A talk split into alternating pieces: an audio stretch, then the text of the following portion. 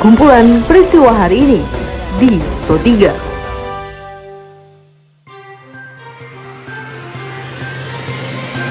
Halo pendengar, saat ini Anda sedang mendengarkan kumpulan peristiwa Pro 3. Pada podcast ini saya akan mengulas terkait isu-isu aktual yang saat ini masih hangat dan ramai diperbincangkan di sekitar kita. Tentu saja nanti saya akan hadirkan cuplikan informasi dari reporter kami.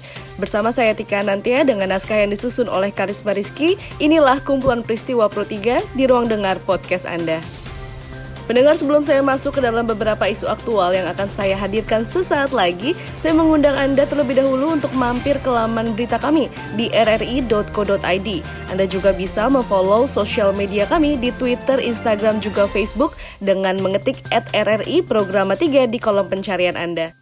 Pendengar, sebelum saya mengawali isu aktual yang akan saya hadirkan sesaat lagi, RRI mengucapkan bela sungkawa sebesar-besarnya kepada Bapak Presiden Joko Widodo. Ini berita duka, innalillahi wa inna ilaihi rojiun, telah berpulang ke rahmatullah Eyang Noto Miharjo yang merupakan ibunda dari Bapak Presiden. Eyang Noto Miharjo wafat di Solo pukul 16 lebih 45 menit sore tadi. Kita doakan bersama almarhumah dapat mencapai husnul khotimah. Amin. Baiklah pendengar, inilah kumpulan peristiwa Pro 3 selengkapnya. Pendengar polisi dari Polresta Banyumas mulai Senin 23 Maret 2020 malam melakukan patroli dan meminta kepada masyarakat di Purwokerto khususnya ini untuk tidak keluar rumah di malam hari. Hal ini dilakukan guna pencegahan penyebar luasan dari virus corona.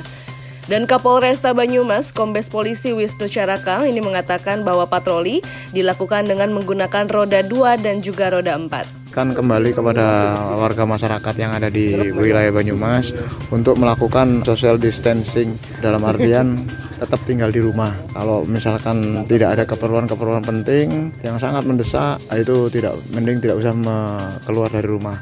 Beralih ke informasi lain, pendengar di mana peniadaan UN atau ujian nasional ini menurut Menteri Pendidikan dan Kebudayaan Nadiem Makarim justru tidak berpengaruh pada penerimaan siswa baru, baik di jenjang SMP maupun juga SMA. Dan berdasarkan laporan dari Rini Hairani, Nadiem menjelaskan pada dasarnya Penerimaan peserta didik baru atau PPDB 2020 kemarin ini diambil dari jalur zonasi, yakni sebanyak 50%. Kemudian sebanyak 30% adalah jalur prestasi. 15% jalur afirmasi dan 5% lagi dari jalur pindahan. UN itu tidak untuk seleksi PPDB dan UN itu tidak untuk pemetaan untuk kualitas atau kinerja anaknya. Makanya kita roll out sistem zonasi yang 70% itu. Untuk yang sisanya yang prestasi sudah saya kerahkan bahwa yang prestasi itu mengikuti prestasi ekstrakurikuler anaknya maupun angka dari anak tersebut. Bukannya mengganggu memang tidak diperkenankan UN itu digunakan untuk sistem seleksi. Nah, apakah ini berubah dengan yang tahun lalu? Memang, tapi itu adalah memang prinsip merdeka belajar yang sudah kita terapkan. Jadi kami menganjurkan setiap sekolah dan setiap dinas dalam melakukan PBDB untuk menggunakan hal-hal yang sudah ada, angka-angka yang sudah ada, seperti angka rapot dan juga prestasi dan partisipasi dalam hal-hal ekstrakurikuler seperti lomba-lomba dan kompetisi. Sebelumnya Presiden Joko Widodo berpesan kepada Mendikbud Nadiem Makarim bahwa kebijakan peniadaan UN ini tidak boleh merugikan hak dari 8,3 juta siswa yang ada di Indonesia. Prinsip yang utama yang harus kita pegang adalah kebijakan ini bisa kita ambil tetapi jangan sampai merugikan hak dari 8,3 juta siswa yang harusnya mengikuti ujian nasional yang diadakan. Pendengar informasi selanjutnya ini pemerintah melalui Kementerian Koordinator Bidang Kemaritiman dan Investasi menyatakan tengah mempertimbangkan opsi-opsi terbaik terkait dengan mudik lebaran 2020 untuk mencegah penyebaran corona. Sebagaimana reporter kami Pradipta Rahardi ini mengatakan bahwa juru bicara Kementerian Koordinator Bidang Kemaritiman dan Investasi Jody Mahardi mengungkapkan bahwa pemerintah tengah merancanakan atau merancang tiga skenario mudik lebaran 2020. Kita uh, sudah sepakat bahwa hal yang paling utama adalah menjaga keselamatan masyarakat Uh, dan dengan berbagai pertimbangan ini kami juga mempertimbangkan serius uh, opsi pelarangan uh, mudik. Uh, tentunya uh, kita sudah sepakat ada tiga skenario yang akan kita laporkan ke Presiden yaitu business as usual berarti mudik seperti biasa kemudian juga ada skenario untuk bukan melarang mudik tapi meniadakan mudik gratis yang selama ini uh, dilakukan oleh perusahaan-perusahaan. Uh, kemudian opsi uh, skenario ketiga adalah melarang mudik. Kita beralih ke informasi lainnya, pendengar Indonesia Corruption Watch ini melakukan tujuh catatan dari 100 hari pertama kinerja pimpinan KPK yang dipimpin oleh Firly Bahuri dan keempat komisioner KPK lainnya. Dan menurutnya, kinerja KPK minim prestasi namun kerap memunculkan kontroversi. Catatan ICW, kita kecewa dengan kepemimpinan lima komisioner tersebut. Bukan justru memperlihatkan prestasi, akan tetapi mereka justru sering blunder yang menimbulkan kontroversial di tengah masyarakat. Salah satu titik krusial dalam catatan ICW adalah KPK hari ini lebih suka memproduksi buronan karena saat ini ada dua buronan besar yang belum juga diringkus oleh KPK ada Harun Masiku dan Nur Hadi yang diduga menerima suap dan atau gratifikasi dalam perkaranya tersebut. Menanggapi kritikan tersebut berdasarkan laporan dari Khairul Umam, ini PLT juru bicara penindakan KPK Ali Fikri mengatakan bahwa KPK menerima kritikan tersebut sebagai penyemangat. Tentu kritikan tersebut KPK terima sebagai penyemangat untuk bekerja lebih baik lagi ke masa-masa yang akan datang.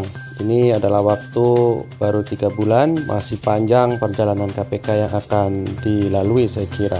KPK dan masyarakat serta aparat penegak hukum lain tentu akan berikhtiar dan berupaya semaksimal mungkin untuk terus bekerja memberantas dan mencegah tindak pidana korupsi demi eh, negara kesatuan Republik Indonesia yang kita cintai ini bebas dari korupsi.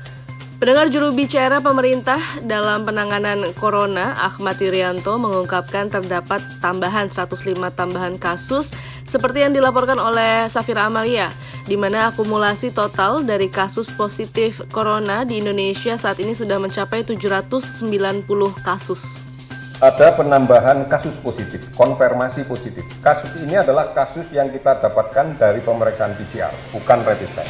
Sebanyak 105 kasus. Sehingga kemarin yang eh, jumlahnya 685 ada koreksi dari 686 menjadi 685 karena ternyata ada satu pasien tercatat di dua rumah sakit dengan nama yang hampir mirip. Sudah kita konfirmasi ke daerah bahwa realnya adalah 685 ditambah sekarang 105 sehingga total kasus kita adalah 790 kasus. Kemudian yang sembuh yang sudah kita dapatkan laporannya dari rumah sakit bertambah satu orang sehingga menjadi 31 orang. Sementara angka kematian setelah kita lakukan verifikasi ulang ada data yang double sudah kita perbaiki sehingga datanya adalah 55 pada hari kemarin dan hari ini ada penambahan 3 sehingga jumlahnya menjadi 58.